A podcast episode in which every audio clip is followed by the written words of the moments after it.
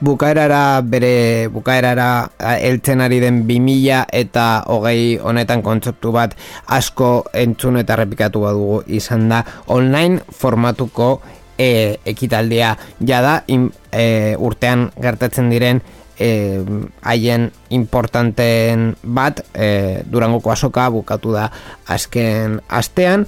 Eta bai online e, burutu da baita e, durangoko leku eta tarte konkretu batzuetan baina batez ere e, jendetza eramaten zuen e, ekitaldia edo gunea izaten zen salmentaren gunea online eginda eta denda e, virtuala, bueno, e, online denda, e, e, webguneko denda montatu dute aurten e, ekitaldia burutu alizateko. Azken egunetan ere, Euskaraldia e, bukatu da, eta horrekin e, bukatzen da normalean, ba, komunikabideetan presentzia gehien dauzkan e, Euskarari buruzko bi ekitaldi nagusienak.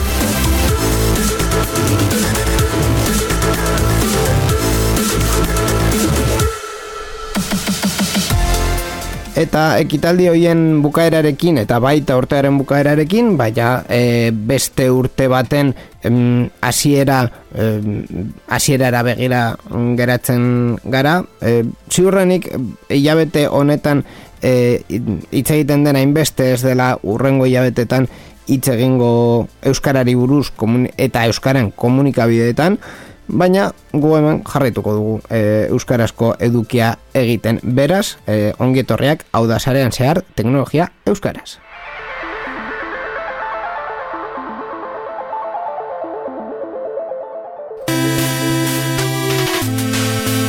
Sarean zearen parte hartu nahi duzu? Gure berriak iruzkin du? Ekitaldi bat kontatu? Gure hankasartzeak kritikatu? Erantzuna positiboa bada, bidali ezazu e-mail bat. Info abildua sareanzear.eus Gure WhatsAppa 6 sortzi sortzi 6 sortzi 00 sortzi bederatzi da. Telegram ere daukagu 6 sortzi sortzi 6 sortzi 00 sortzi bederatzi. Gure Twitter eta Facebookeko profiletan idatzi dezakezu ere. Eta ez ahaztu gure asteko agenda. Informazio guztia sareanzear.eus webgunean. Zuen mesuak itxaroten ari ditugu. Ah, bai? Bai.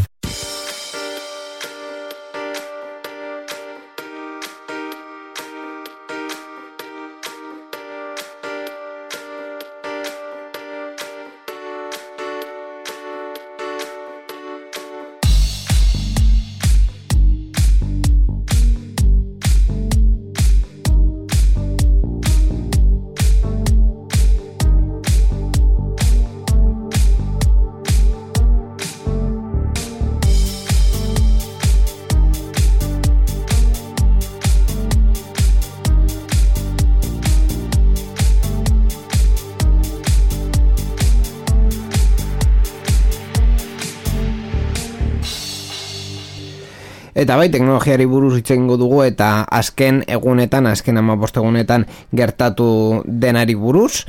Eta, bueno, batez ere, beti bezera, teknologiari buruz izango e, den e, atala. Berrien atala, mm, ba bueno, pertsona batek eramaten duena, zuzentzen duena, ez, inkluso esan daiteke, eta hori dela, Borja Arbos, arratsaldeon. Arratxaldeon, inigo. E, urte bukatzen ari dugu ja, e, gure urrengo saioa, por cierto, ez da saio normal bat izango, saio berezi bat egingo dugu urtea bukatzeko. Azkenean, datak, ba, bueno, e, nahiko komplikatuak dira, eta aktualitate, aktualitatea ez da egongo, hau da berri berriak ez ditugu komentatuko, baina e, saio beriztxo bat egingo, egingo du. Bai, beti bezala, gabonetako saioa, eta hor komentatuko ditugu, ba, pizka bat zeintzuk izan diren berri nagusiena kurte honetan e, koronavirusa aparte utzita, hau da, bai. teknologiaren arloan zeintzuk izan diren e, berrikuspen edo avance aurrera pauso teknologiko handienak, edo gutxienez hemen e, gehiago komentatu ditugunak hori bi aste barru izango dena, baina gaur, e, aste honetan, ba, e, kontutxo batzuk dauzkago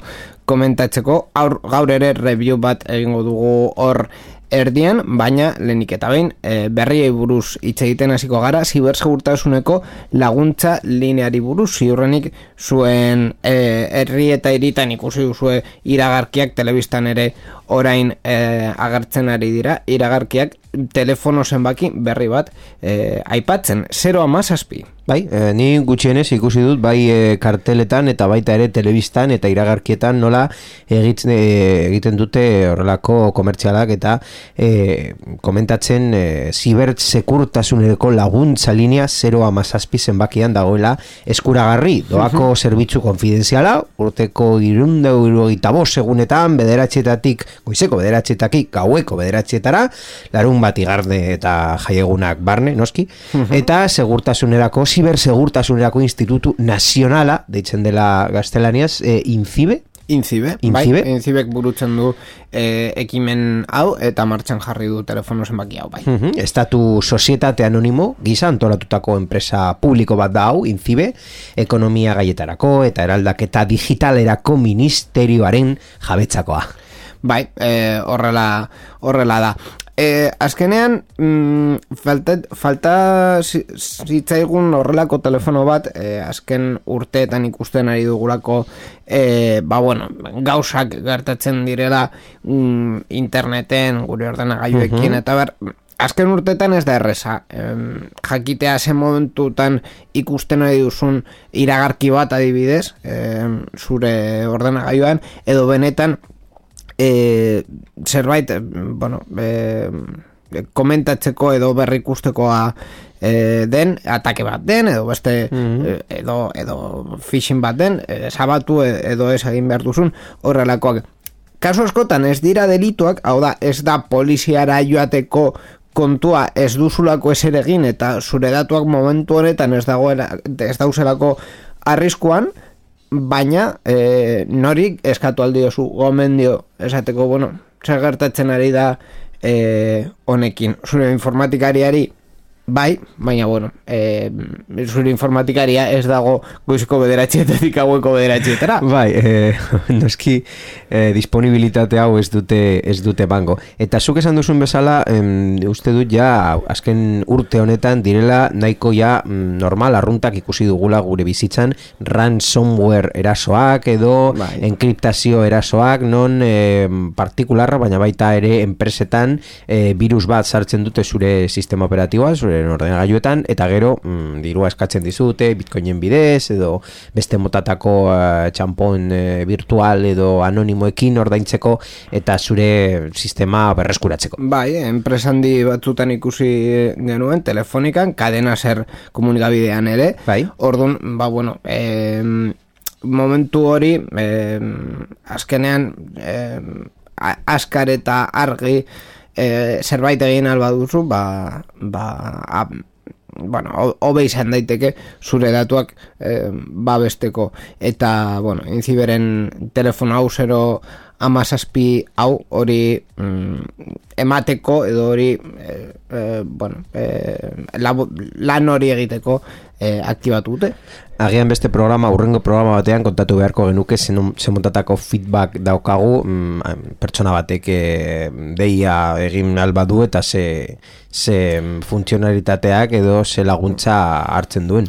Hori experimento kurioso bat izan izan lehitu. Horrengo review egiten dugu zibersekurtasuneko linea. Hombre, mm, e, nahiko nuke e, ez erabiltzea horrelako bai, bueno, zerbitzuak me, beharrezkoa esaten duzun bezala espero dut dei ez egitea.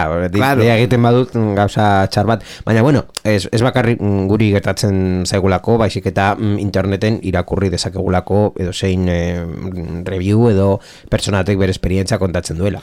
Bai, bai, ikerketa egingo dugu. Edo iritziak, edo... Bai, bai, ean norbait e, zerbitzu hau erabiltzen duen eta zelan e, dijoan kontua.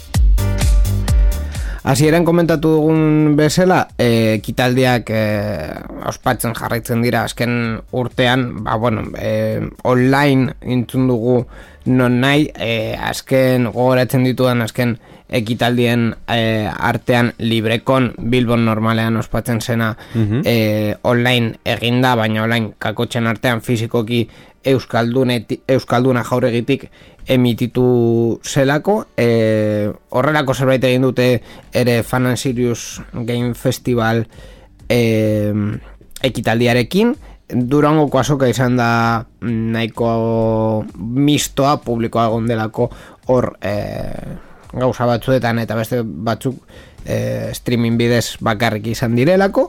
Eta baita ere ospatu da e, lau aurten lau encounter e, egin diren artean laugarrena eta azkenengoa Bai, e, araba encounter e, izan da e, jabete honetan eta noski esan dugun bezala izan egin behar da e, koronavirusaren pandemia dela eta online formatuan. Ekitaldi tekniko, teknologiko honen zazpigarren edizioa abenduaren bostean eta zeian egin da e, larun batetak handean, urren esurren eta irureun da hogeita mar plaza virtual izan ditu e, ia berrogeita mar jarduera, besteak beste, itzaldiak eta arte digitala, software askea, hardwarea, jokoako le, le, jokoetako barkatu lehiaketak, eta e, hori guztia e, kontrol unitate batean jarriz e, arabako parke teknologikoan. Hori, hori izan da e, kontu berrien akasu honetan, beste ikusi ditugunen konterren beste edizioetan, konkretuki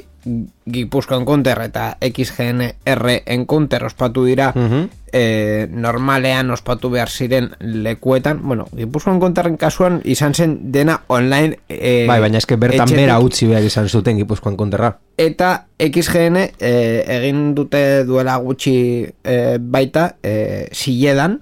Uh -huh. enkonter TV formatu hau e, erabilita. Euskal Enkonter moitu zuten urretxura, urretxun hasi zelako e, Euskal Encounter bere momentuan, eta kasu honetan, ba, ez dute e, aukeratu e, normalean Europa jauregian egiten den e, lekuan esenatoki bat e, edo hobeto esan da tele, telebista plato bat montatzea, baizik eta mm azkenean montatu dute arabako parke teknologikoan. Bai, gauza da, e, uste dut e, parte hartzaile ia guztiok espero dugula urrengo urtean e, partiak e, fizikoki berriro egitea, zen uste du e, ez daukala. Gutxienez, mm, gurentzat, ez dakit, ez dugu inkesta bat egin, baina uste du gehienentzat ez duela... Mm, ez, ez da berdina. Eh, partiaren espiritua hor eh, eta esentzia eta hori guztia ez da, ez da berdina interneten egina. Bai. Azkenean, eh, ez, ez dugu garatzen komentatu dugun noiz bait edo ez, baina azkenean hori... Eh, beti esaten da ordenagailuak bakarrik direla eta bar, baina bueno, beti esaten da, kasitari batzuk momentu batzuetan esaten zuten baina ordenagailuak entzen ditut, dituz eta bapatean ez dago eser bai. bapatean dena desagertu da. Eta e, berriz ekitaldia montatu behar da kontuan hartuz e, jendea ez dagoela hor eta haien ordenagailuak ez daudela hor, orduan, e, ba bueno, bere momentuan kasetari batzuk esaten zutena ez, ez zuen zentzurik eta orain azken ekitaldi hauekin argi geratu da. Eta, eta datu interesgarri bat, okeres banago, e, parti hau guztiak izan direla doainik. Bai, Eta oain, doainik izan da, ez bai. dute izan e, normalean ordaintzeko daukaten arrakasta. Hau da, jendeak, jun nahi du, e, ordainduta gero, baina bai, nahi du fizikoki egitera eta e, eskaintza berdina edo ia berdina egiten badiozu. Ez zu bakarrik ba, zure etxean zure ordena gaioan zure e, jokoak jolastu eta besteekin lan partiak ez lan partiak ez dago lan baizik eta interneten bidez egin eta iaia ia, esperientzia berdina da ba ez da berdina ez da berdina eta eta hain ia doainik izan da ez, ez diote mm, hainbeste mamirik ateratzen ba hori hori izan da urtengo encounterraren kontua. Pero dugu ziurrenik e, datak e, errepikatzen badira Gipuzkoan konterra berriz online izango da. E, hori dirudi bai. Euskal Enkonterrerako ba bueno ikusiko dugu nola dago egoera epidemiologikoa eta e, azken, kandela bat ipini. Bai e, ikusiko dugu eske azkenean e, baita ere bakunazioarekin eta eh, kontu hauekin ikusiko dugu.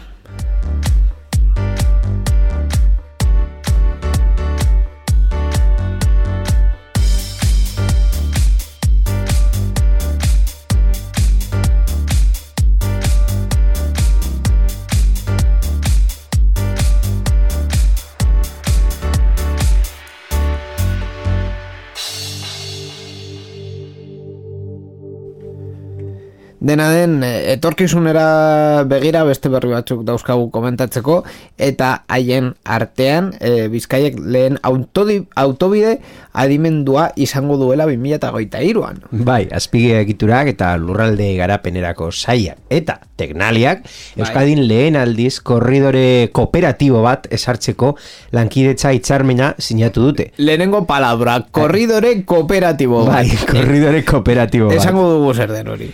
Bueno, ni, ni eh, e, itza ikusterakoan pentsatzen dut e, korridore estrategikoak, hau da, e, azpiegitura estrategikoak e, Europar batasunean e, izendatzen dituz, dituzten arabera. Agian beste termino bat esan nahi du, baina hortaz fijatzen naiz. Be beste kontu bat, da, orain asalduko dugu, baina bueno, ba, jarrai dezagun berriak esaten duen. bai, e, Imanol Paradales diputatuak eta Alex Belaustegi teknaliako presidenteak itzarmenaren zehetasunak aurkeztu dituzte, eta horiek dira 2,5 bost milioi euroko inbertsioa, e, aurreikuspenak e, hortik doazte, eta 2000 eta hogeita irurako errepideak, ibilgailuak eta kontrol zentroak digitalki lortzea du eh, helburu. E, lotzea. Lo, lortzea, bai, izan du lortzea. lortzea. lortzea, lortzea, du helburu. errepideak, e, batez ere errepideak eta kontrol zentroak baita ere ibilgailuak haien artean e, itsegitea. Kontua da, e, esan duguna, korridore kooperatibo hori uh ez dela e, kooperatibotasun e, instituzionala edo enpresa eta e, administrazioan artekoa, baizik eta haien, e, osea, korridore horretan dauden elementuen artekoa. Hau da, suposatzen da, e, 2008 bi eta 2008 iru artean ugalde bietan eta ermu e, bitarteko berroita zazpi kilometro barkatu berroita mazazpi kilometro horretan mm, e, balizak eta bestelako e, tramankuruak jarriko dira e, errepidean et, eta bat desere errepidean zentsoreak errepidearen egoera autoei komunikatzeko eta baitere kontrol zentroari e, komunikatzeko ere. Ba, hori guzti denbora zuzenean esan nahi duzu. Eta, eta aldi berean, autoek ere itzegin, itzegin. Kakotxean artean, datuak bidali aldiotela kontrol zentroari baliza hoien e, bitartean denbora realean. Kasu, e, adibidez, e, bapatean e, euria e, jausten e, azten bada, baina leku konkretu batean, bi mendien artean, eta tarte hori e, ba, bustita badago, denbora realean, zure kotxean izango duzu alerta bat, horra joaterakoan, esaten dizuna, kontuz, hor, euria, ari duela. Suposatzen zen, ez ez, ez, ez zela euririk jauziko, baina bai, hor, jauzi da. Bai, eta ez bakarrik egur eldia, baita ere, istripoak, obrak, autopilaketak, ostopoa galtzadan, abiadura muga, arriskuak eta seinalen monitorizazioa nahiko ondo dagoela zu idatzen duzu momentuan, konkretuki jakitea zein da e, abidez abiadura limiteak. Hau da, mm, batzutan ez duzu seinalean edo ez duzu gogoratzen oso ondo zein da e, ikusti, ikusi duzun azken seinalea eta baita ere kotxe asko ja jartzen duzu, berrietan jartzen dute teknologia bat non irakurtzen dituzte seinaleak eta e, hor jartzen dizute zein den abiadura limitea. Claro, baina bueno, seinalean e, arazoren bat badauk edo, ba, baliza hori esango dio kotxeari zein, zein den limitea.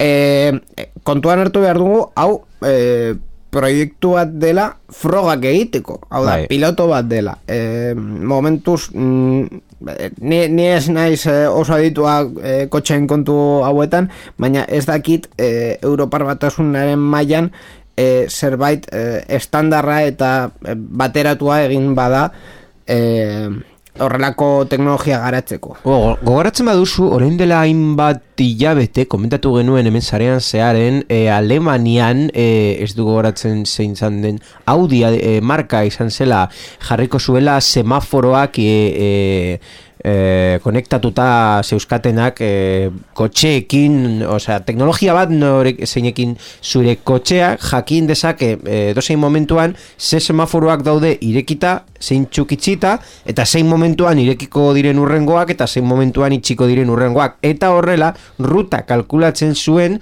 zuk... E, Alik eta lasterren eltzeko. Ez, bueno, alik eta lasterren edo gel, geldi e, egoteko denbora minimo posiblea. Hau da, baita ere abiadurarekin. Hau da, zu jaketen baduzu, non nik jun ze abiaduran eta hortik semaforo guztiak berdean hartuko dituzula, ba, bingo. Eta gaia gainera, beste kotxe guztiek, esaten badizute, eh, hor erdian badauden edo ez? baita ere, baita ere. Baina, Hau da, trafikoa neurtzen duen e, teknologia handiagotzea da. bai, eh, hori Ni azkenean... goratzen duen kasu bakarra. Claro, baina azkenean hori zen Audi eh, Bai, bai. semaforo horretan bere kotxeentzat garatzen ari zuen eh, sistema, baina ez dakit estandar bat dagoen edo ez.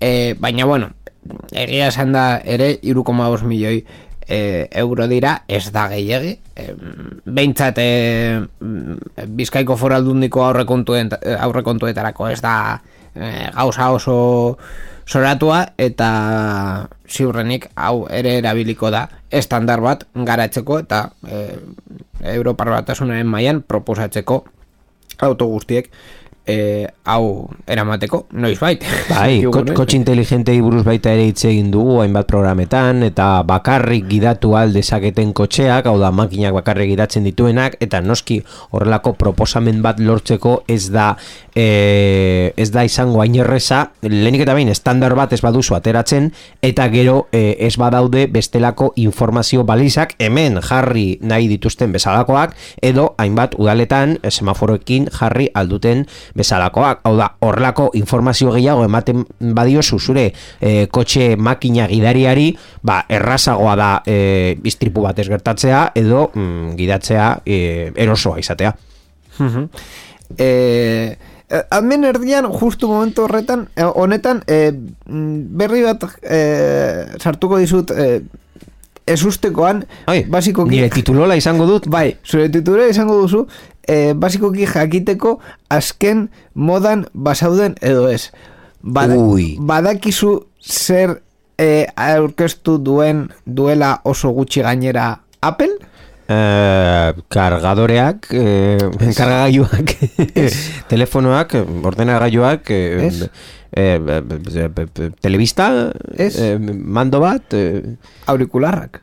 ah, bai, eh, Ez, Airpods, Bai, Airpods deitzen dira, baina ez da... Ah, e, bit, bits modukoak, hau da, formatu totxo hori handia...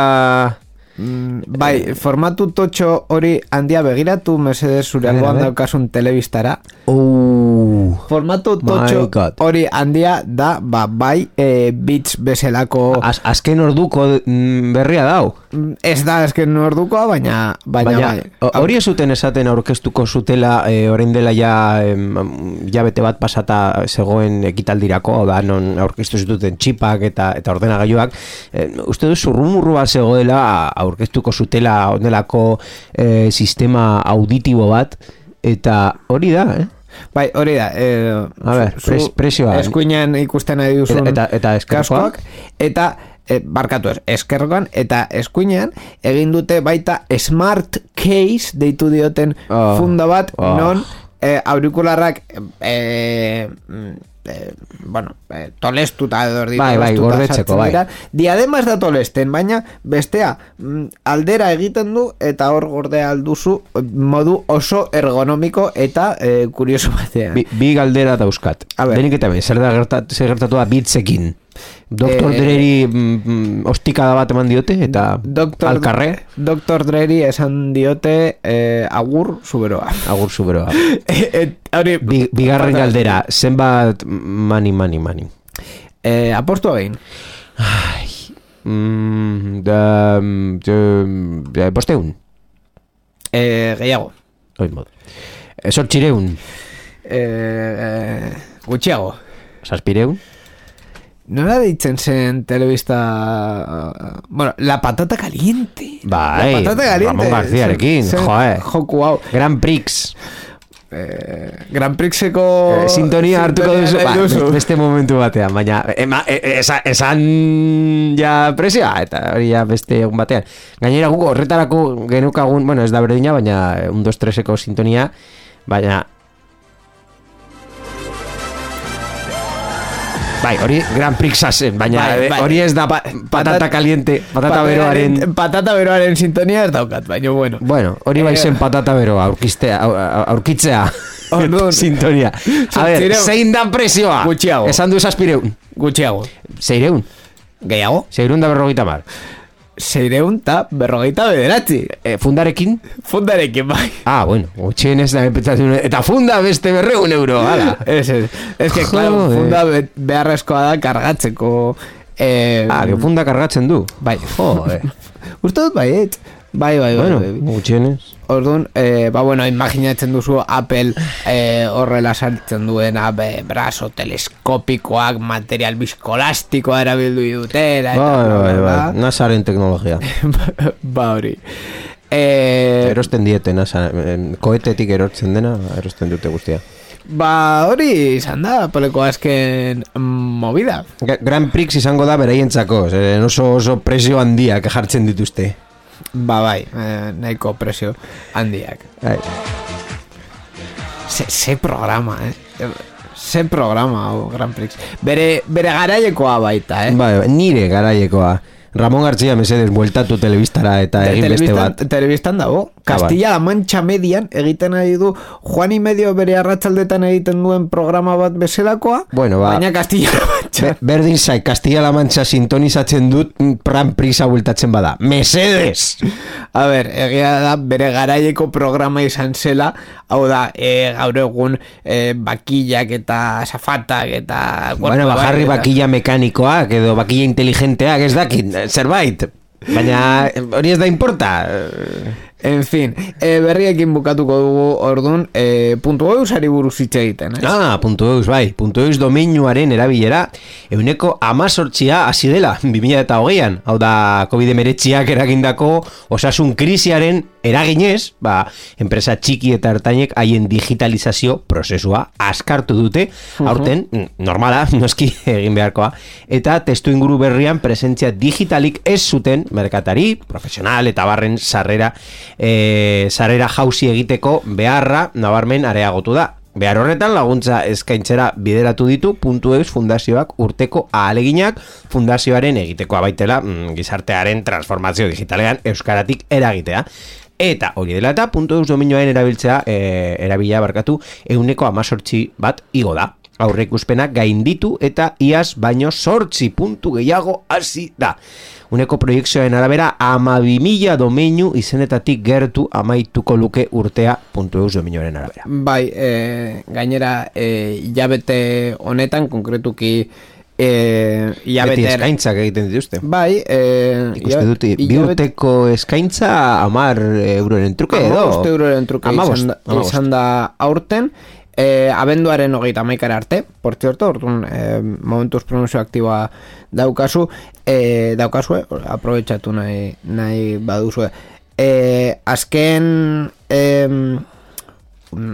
hilabetetan, hau da, konkretuki abenduaren sortzian, amaika mila, saspireun eta irurogeita saspidu domeinu e, erregistratuta zeuden, e, haien artean, olentzaro.eus. Oh, Ez olentzero, baizik eta olentzaro. olentzaro, bueno. Kontuan hart- hartu beharko eh, variazioa. Bueno. Eta ze, zenbat urte daukagu guk, ze, zenolako urte urrena egiten du gure puntu eus dominuarekin.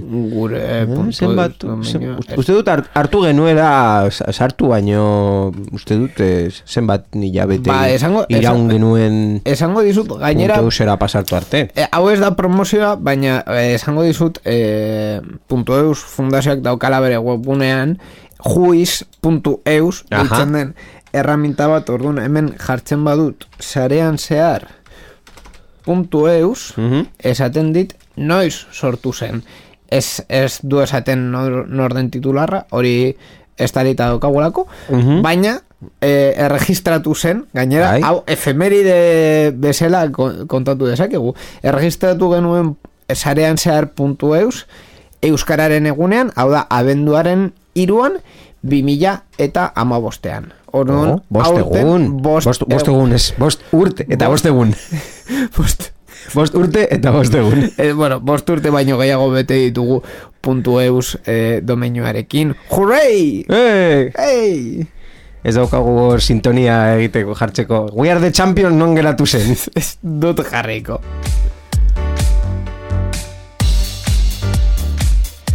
Baina sintoniak nahi dituzunez ni badakit sintonian fan sarela. Eh, Guztiz. Ba, ba, iru sintonia dauzkagu azken eh, ordu erdi honetarako. Eh, batekin hasiko, bara, ze- zeinekin hasi nahi duzu? Uh, bueno, ni ustez uh, lehena izan beharko dela review, ez? Ba, begira Borja, zu hemen ez zara zuzendaria, ni naizelako, baina zu eskatu eta ni jartzen dizut.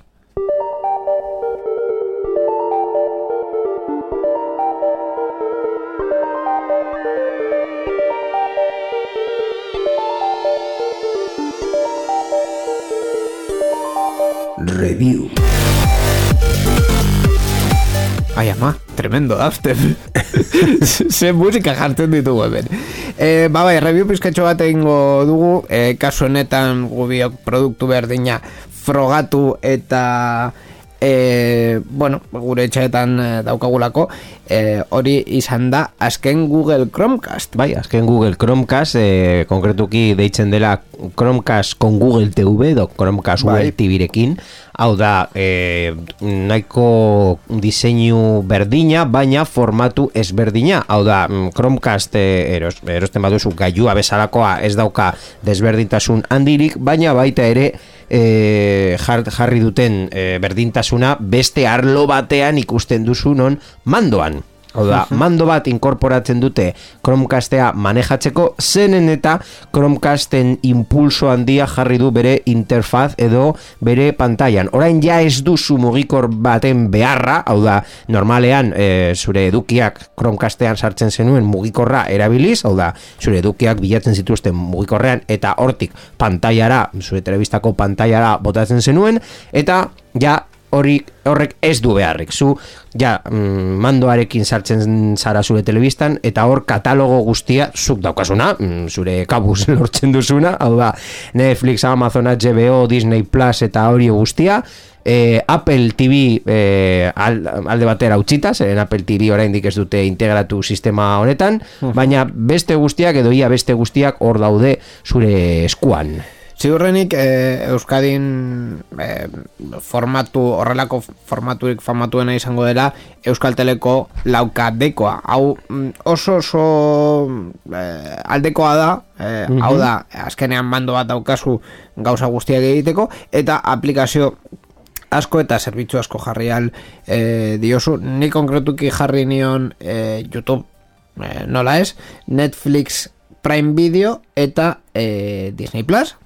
Eta hoiekin, azkenean, eh, Google TV egiten duen gauzarik eh, kuriosoena edo garrantzitsuena da eh, pantalla nagusian eh, eduki guztiak em, erakustea. Hau da, orain ez daukazu eh, eduki bakoitz aplikazio batean edo bestean, baizik eta eh, hasieran zuzenen ikusi alduzu, ba, eh, gomendatzen, eh, Google TV gomendatzen duen eh, edukiak, baita zu ikusten nahi duzuna, eh, kategoriaz berdinak, bilatu alduzu titulo bat konkretuki eta zerbitzu guztietan aldi berean e, bilatzen ditu, orduan e, hori azkenean da e, sistema honek ematen duen e, alderik e, interesgarriena eta erosoena. Ez daukazula, ba, adibidez, laukadekoan daukasun hasiera pantalla dela bakarrik zerbitzuak eta jazta, mm, daukazu baita beste, beste ikuspuntu bat eta ikuspuntu horretan begiratu edo ikusi aldituzu e, zerbitzu guzti horiek. Bai, zu komentatu duzu, komentatu duzu hemen Euskadin daukagula e, Euskal Teleko lauka dekoa, baina internazionalki e, Google Chromecast honen kompetentzia zuzena, nire ustez dira, lehenik eta bain Amazon Fire Stick, uste dut de, deitzen bai. dela, hau da, zuk pintxo bat jartzen duzula zure telebistan eta mando batekik kontrolatzen duzula, bai. e, baita ere Xiaomi egindako azkenengo stick edo TV box motatakoak, baita ere mando bai. batekin eta formatu nahiko nahiko berdin batean, e, kasu honetan e, Xiaomi baita ere erabiltzen du oso interfaz nahiko similarra dela e, Android TV edo bueno, kasu honetan deitzen diote Google TV baina nahiko nahiko mm, berdina da e, aurrera pauso batzukin, baina bueno, ez da hain desberdina, eta pelen arloan daukazu e, Apple TV, mm, ez dakit zenbat urte doa astela ja, e, ez dakit hain aurrera pauso nahiko handian, baina, bueno, bere funtzionalitate iaia berdinak, mando batekin, zure eduki guztiak e, aurkitu dezakezu, eta e, mando guztiak uste du daukatela funtzionalitate ia berdinak, hau da, daukazera e, botoi gutxi, Hau da, hmm. lau bosei botoiekin egin dezakezu guztia Eta e, botoi zuzenak Hau da, e, YouTube, Netflix edo Amazon edo nahi duzuna Dukazu bot, boton zuzena eta hor jartzerakoan sartzen zara zerbitzuan Eta kasu honetan, ezuk esan desun bezala Googleekin, Google Assistant edo e, jartzen du Eta e, botoia sakatzerakoan eta e, zure hautsarekin esaterakoan ikusi nahi duzuna Ba, zerbitzuak jartzen dizu edo zein plataformetan aurkitu dezakezun e, emaitza. Edukia, hori E, a ber, alde nagusi bat dago e, komentatu dituzun gaioekin, gainera ni hoien uste dut bi frogatuta ditu dela, e, Apple TV eta eta Fire Stick, eta beste kasu guztietan mm, kontua da mm, eduki bakoitza bere zerbitzuan dagoela. Ez duzula ikusten aldi berean zerbitzu ezberdinen e, edukiak horregatik justu komentatu dudan lehenengoa izan da hori, uh orain ez daukazula e, Osa, nahi baduzu YouTubeen e, joan, joan zara ikusten zer dauden hor, edo Disney Plus, edo dena deakoan, baina hasiera pantailan, dauzkazu, hainbat eduki, hainbat plataformetakoa. Bai. Ez, ez duzu aplikazio batera edo bestera joan behar egea da ere e, hori Chromecast e, honekin Google TV daukan e, Chromecast e, honekin e, hautsaren bidez esan aldi osula e, gauzatxok mm, eta dakarren mandoa gainera kon, e, konfiguratu dezakezu depende ze telebista daukasun baina e, telebista askotan konfiguratu dezakezu zure mando nagusi bezala ere, hau da, e, jarri oso e, telebista piztu eta itxaltzeko mandoarekin, volumena igo eta jeitzi, eta zein irteera e, e, ikusi nahi duzu, hau da, HDMI ikusi nahi baduzu, edo... Antena nagusia. Edo antena nagusia, edo konektatuta duzun, edo zein, edo zein gauza. E, beste mando batzuk ere konfiguratu al diozu, e, hau da mandu unibertsal bat e, badaukazu zure gaioen txarako, gaioetarako, ba... Baita ere e, bideo jokoa, jolastu egiteko, e, estadiaren mandoa jarri aldiozu, eta uste dut Xboxekoa e, frogatu dutela baita ere e, arrakastarekin. Bai, eta beste gauza oso, oso kuriosoa dauka, e, kasu honetan, e, kargatzeko portua ez dela micro USB baizik eta USB-C eta USB-C horrekin eh, ni e, gaur egun e, jarrita daukat e, kable konexioa baino edo sin gauza jarri oso hau da USB-C hub bat erosi oso mhm. eta haien artean internet kable bidez eman aldi oso baina baita ere memoria jarri edo e, tegratu bat edo sagu bat jarri ere edo webcam bat e, ofizialki e, soportatuta dago Google Duo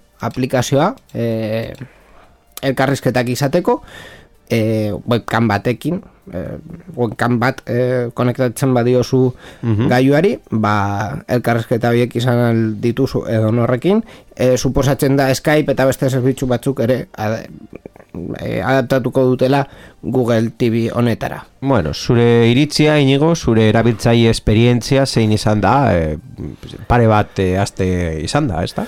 Bai, uste biru aste izan direla, baina oso ona. Osa, ni etxean gaur egun daukat e, gela batean telebista bat Google TV horrekin eta bestean e, laukadekoa, euskalteleko laukadekoa eta aldea sor, e, baina izugarria da. Osea, e, laukadekoa badirudi amar urte dituela, dituela eta e, Google TV hau ia dirudi etorkizunekoa. Oso oso erosoa eta oso gomendagarria da gainera e, sareko konexioa internet konexioa zuzenean kable bidez jarri aldi osulako Bueno, nire kasuan esan behar dut e, Google Chromecasten fanboy bat bezalakoa izan dudala e, Google Chromecasten lehenengo belaunaldia 2000 eta mairu garren urtean atera zera. Bai. eta baita ere bigarren belaunaldia ja bere formatu estika aldatu zuen zuenean. Eta hirugarren eta laugarren belaunaldi honetan ikusi dudala nola aldaketa mm, nabarmenak egon direla. Eta uste dute nahiko, nahiko esperientzia erabilia esperientzia potente bat e, utzi dezaketera noski kompetentzia baita ere era berdinean a, desberdintasunak nabarmentzen dituelako. Nire kasuan esango nuke e, e, Chromecasta jadanik badaukazula eta ez badiozu asko erabiltzen, hau da, zure etxean hor daukazu agian bizpa iru egunetan erabiltzeko eta ja, Ba, agian, ez aizuko meni berri bat erostea eta daukasunak entzea, zen azkenik, ba, bueno, mm, ez da, e, ez, ez da zaharra kentzekoa, baino, ez, um, ez da, e, niretzat, ez nuke egingo, egunero, ez ba nintzen egongo telebista eta Google Chromecast horrekin. Mm, ba, begira. E... Baina ez baduzu inoiz ez e, Chromecast bat erosi eta pentsatzen ari bazara, bale, mm, Chromecast bat erosiko dut, zaharra, hogei, uste dut, hogei, hogei tamar eurotan dagoela, e, merkeratu dutenean, ba, noski, berria ateratzen delako, eta berria, e, prezio ofiziala dira iru, e, irurogei tamar? Irurogei tamar euro, bai. Baina, berapenetan edo nik e, irurogei eurotan lortu dala. Ba, ni kontrakoa esango nizuke. E, Chromecast bat badaukazu, et, azkenean e, moikorraren dependentzia hori daukasunez agian ez duzu hainbeste erabiliko e, Chromecast hori, baina hau ja ez da Chromecast bat bakarrik gauzak bidaltzeko, baizik eta e, konektibitate osoa bueno, konektibitate baino e, almen osoak dauzkazu orduan, e, hau ez da ja Chromecast bat bidaltzeko eta jazta, hau deko detxaile bat da. Ez daukazu e, opera gaioaren antena edo baina e, beste gauza asko e, dituzu ere eta beste zerbitzu asko ikusi al, aldituz. Ni erosi baino lehen hiru galdera egingo nuke, hiru galdera. Lehenik eta behin, zenbat erabiltzen duzu daukasun kronkasta. Bigarrena, zenbat e, plataformetan zaude e, suskripzioa? Arpidetuta. Eta hirugarrena zein erosoa da zuretzat e, mugikorrarekin e, edukiak mm, bidaltzea. Zen eta agien zuretzat oso, baina zure ama edo amonarentzat ezain beste eta baita ere nahi duzu beraiek e, esperientzia hauek edukitzea eta edukiak kontsumitzea ez betirako tele, betiko barkatu. Telebistarekin baizik eta zerbitzu hauekin, baina beraiek esaten dute, e, nik hau ez dakit nola funtzionatzen den. Orduan, e, zuretzean jarri eta familia guztiak aprobetsatzea errazagoa da modelo hauek. Claro. Ba, Ana Pastor bere lehenengo momentuetan esaten zuen bezala, hemen datuak eta gure iritziak eta ja e, zuenak e, beste beste guztiak. Berri askarrak, sarean zehar. Abiadura jarriko diogu programa honi berri askarrekin, lehenengo berria. Kutsabankeko online banka martxan jartzen da berriz hainbat orduz erorita egon ostean. Sistemaren barne arazo batek eragin da Kutxabankeko online banka zerbitzua erorita egon zen pasaden astean hainbat ordutan. Arazoak internet bidezko eragiteta guztiei eragiten ziren ezin baitzen webgunean aplikazioan zen Kutxabank Pay zerbitzuan sartu. Kutxabankeko iturrien esanetan arazoak abenduaren leheneko goizean hasi ziren eta bederatzietarako arratzaldetako bederatzietarako konpondutzat eman bazituzten ere urrengo egunerko zazpi arratzaldeko zazpiter dirak arte ez zuten martxan jartzea lortu. Banketxeak barkamena eskatu di erabiltzaiei eta orain zerbitzua motel ibide altekela ohartarazi du. Bueno, barkamena baino, eh, komisio batzuk bueltatzea ere ondo egongo legoke.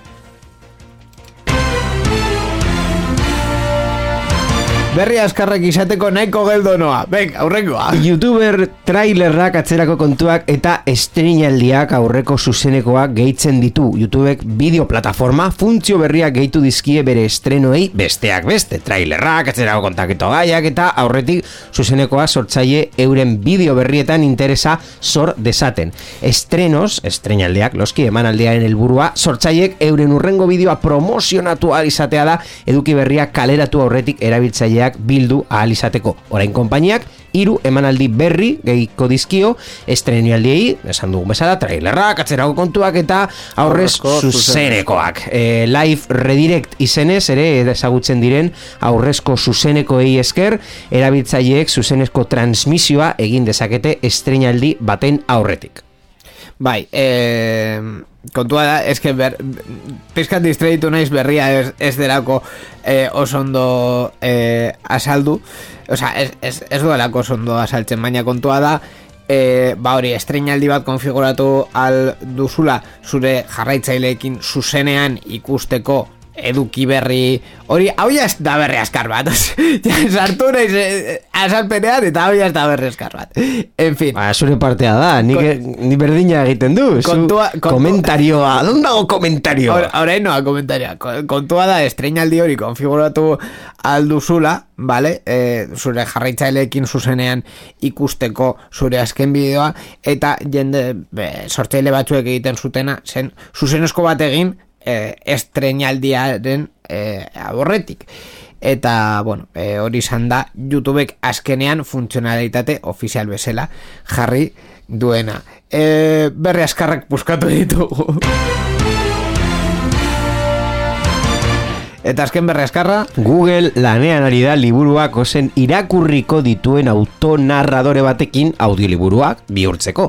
Hau da Google Play, Amerikako estatu batuetako eta erresuma batuko editoreekin lanean ari da eta bere blog ofizialean argitaratu duen argitalpen batean Googleek baiestatu du narratzaile automatiko bat erabili duela audio bertsiorik gabeko liburuak kontatzeko. Tresna hori beta fasean dago gaur egun, baina 2008 bat garren urtean hasieran jarriko da argitaratzaile guztien eskura. Konpainiak bideo ilustratibo bat argitaratu du, zeinean zerbait interesgarria egin dezakegun sistema zehazki nola funtzionatuko duen jakinezean bideoak erabiltzaileak liburua irakurtzea nahi duen narratzailearen ahotsa aukeratzen duen une bat ikusten, uzten du, eta horrek aukera sorta bitxi bat ireki lezake. Gaur egun, eh, jakin dugunez, audioliburuak bikoizle batek kontatzen du eta bere ahotsa da eskuragarri dagoen aukera bakarra. Ezin dugu erabaki zein ahots nahi dugun. hemen, sarean, zearen, ez dugu teknologia hau onartzen. Horren, kontra gaude.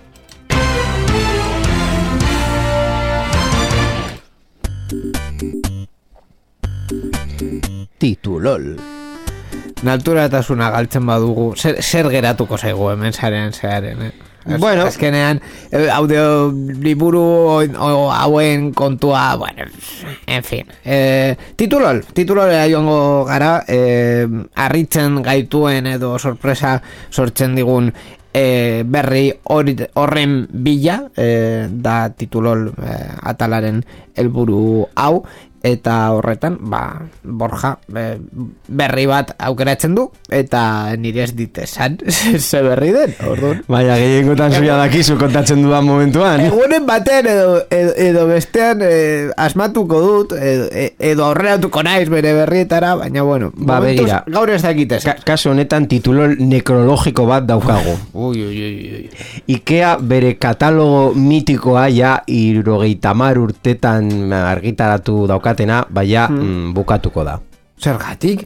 Zergatik? Zer gertatu da? Ohar batean Konrad Gruz Ikeako zuzendari nagusiak esan du erabakia emozionala baina arrazionala izan zela, izan ere bezeroek katalogo imprimatuan zuten interesa gutxitu egin delako eta erosleak inspiratzeko alternatiba digitalen bila dabiltza. Gruzek esan zuenez, 2008 bateko katalogoa altzari erraldoiaren marketing tresna nagusia izan denaren azken edizioa izango da.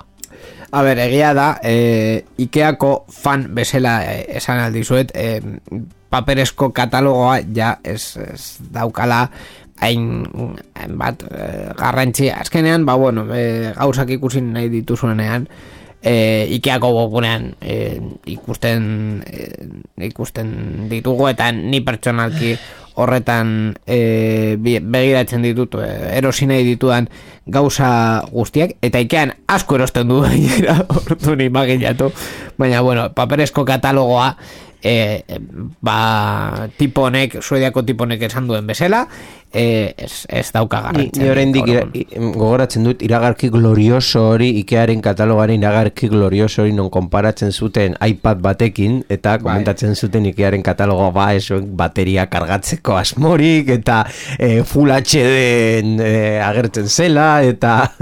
Gainera, e, bitxikeri bezala, Ikeako katalogoan agertzen diren irudiak, e, kasu askotan ez dira irudi errealak e, kasu batzutan pertsonak agertzen badira eta bar bai baina ikusten ditugun e, gela egon gera edo logela mm, maravilloso hoiek e, gauzaz beteta eta bat bizitza hoiek ez dira errealak nire etxean ez dira berdin geratzen. Ez ez. Gainera e, hori guztia ordenagailuz egin da, dago, hau da, e, e, irudeko... Non dago nire familia zoriontsua. Ez familia zoriontsua. Non, non saltzen dute hori. familia zoriontsua erreala da, e, edo kasu batxutan ere txinoan e, erosi alduzu. baina, egia da. Bai, bai, bueno. Familia zoriontsua. Bai, bai, bai bai bai, bai, bai, bai, bai, Baina, egon gela biek eta bar, ordenagailuz egiten dira irudeko modeloekin, eta ez, ez, dir, ez dute egiten e, fisiko toki, orduan. Ah, or, horregatik estanteria bat e, e, erosten dudanean ez da nire etxean berdin geratzen edo ez da sartzen nire hori alde, hori alde batetik eta bestetik ez dituzulako neurriak ondo egin. Ah, Baina, bueno. Bueno, neurtu, agian baita ere bai. Brikomanian esaten zuten bezala, neurtu birritan eta mostu bat. Vale? Ah, bai. Hori esaten zuten. Egia esan da, ez, baina, bueno, azken bola den brikomaria asko ikusi duen ez, ba, sartu nahi nuen hori hor, hor promozioa. Oso ondo. Aurten ez dute brikomania egiten, Borja. Ai, ba, ja, ja, bi proiektu dauzkagu, Grand Prix poltatzea eta brikomania. Eh, eta eta nahi baduzu ba Operación Triunfo ja eh, batean. Operación Triunfo voltatuko da noiz bait suposatzen dut urrengo urtean. Eta Brikomania ere Carlos Justizia televisioak Claro, Brikomania ere Carlos Arguiñanoko mobidekin doazenez ba suposatzen dugu eh, baita Gran Prixena uste dut ja eh, ez du Arguiñano Gran Prixean invertitu behar duzu.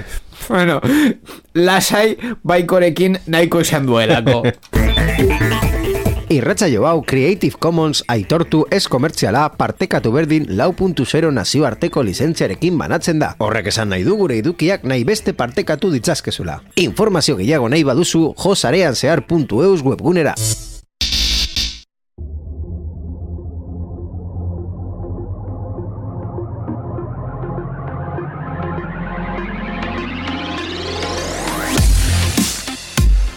Ba, onaino zarean zehar zei hau, e, teknologikoa izan da, baino bere neurrian, beste gauza batzuk ere komentatu ditu, baina, bueno, batez ere teknologikoa izaten da normalean programau, ba, gaur gutxiago. En fin, Borja Arbosa, eskerrik asko sarean zehar hau e, nirekin eta gurekin egiteagatik, e, urrengo programan, e, gabonetako berezia. Bai, horrela esango da, eskerrik asko inigo eta entzule guztioi urrengo programa arte. Beti bezala Mikel Carmona egonda ekoizpenean eta baita ere eskerrak erratietan dauden ekoizpen eta teknikari taldeei. E, gu bueltan egon gara esan bezala bi aste barru e, gabonetako bereziarekin eta bitartean sarean zehar puntu eus webgunean gaude baita sare sozialetan Facebook eta Twitter, Telegram eta barre eta barren e, sarean zehar gara. Eskerrik asko eta bi aste barru aio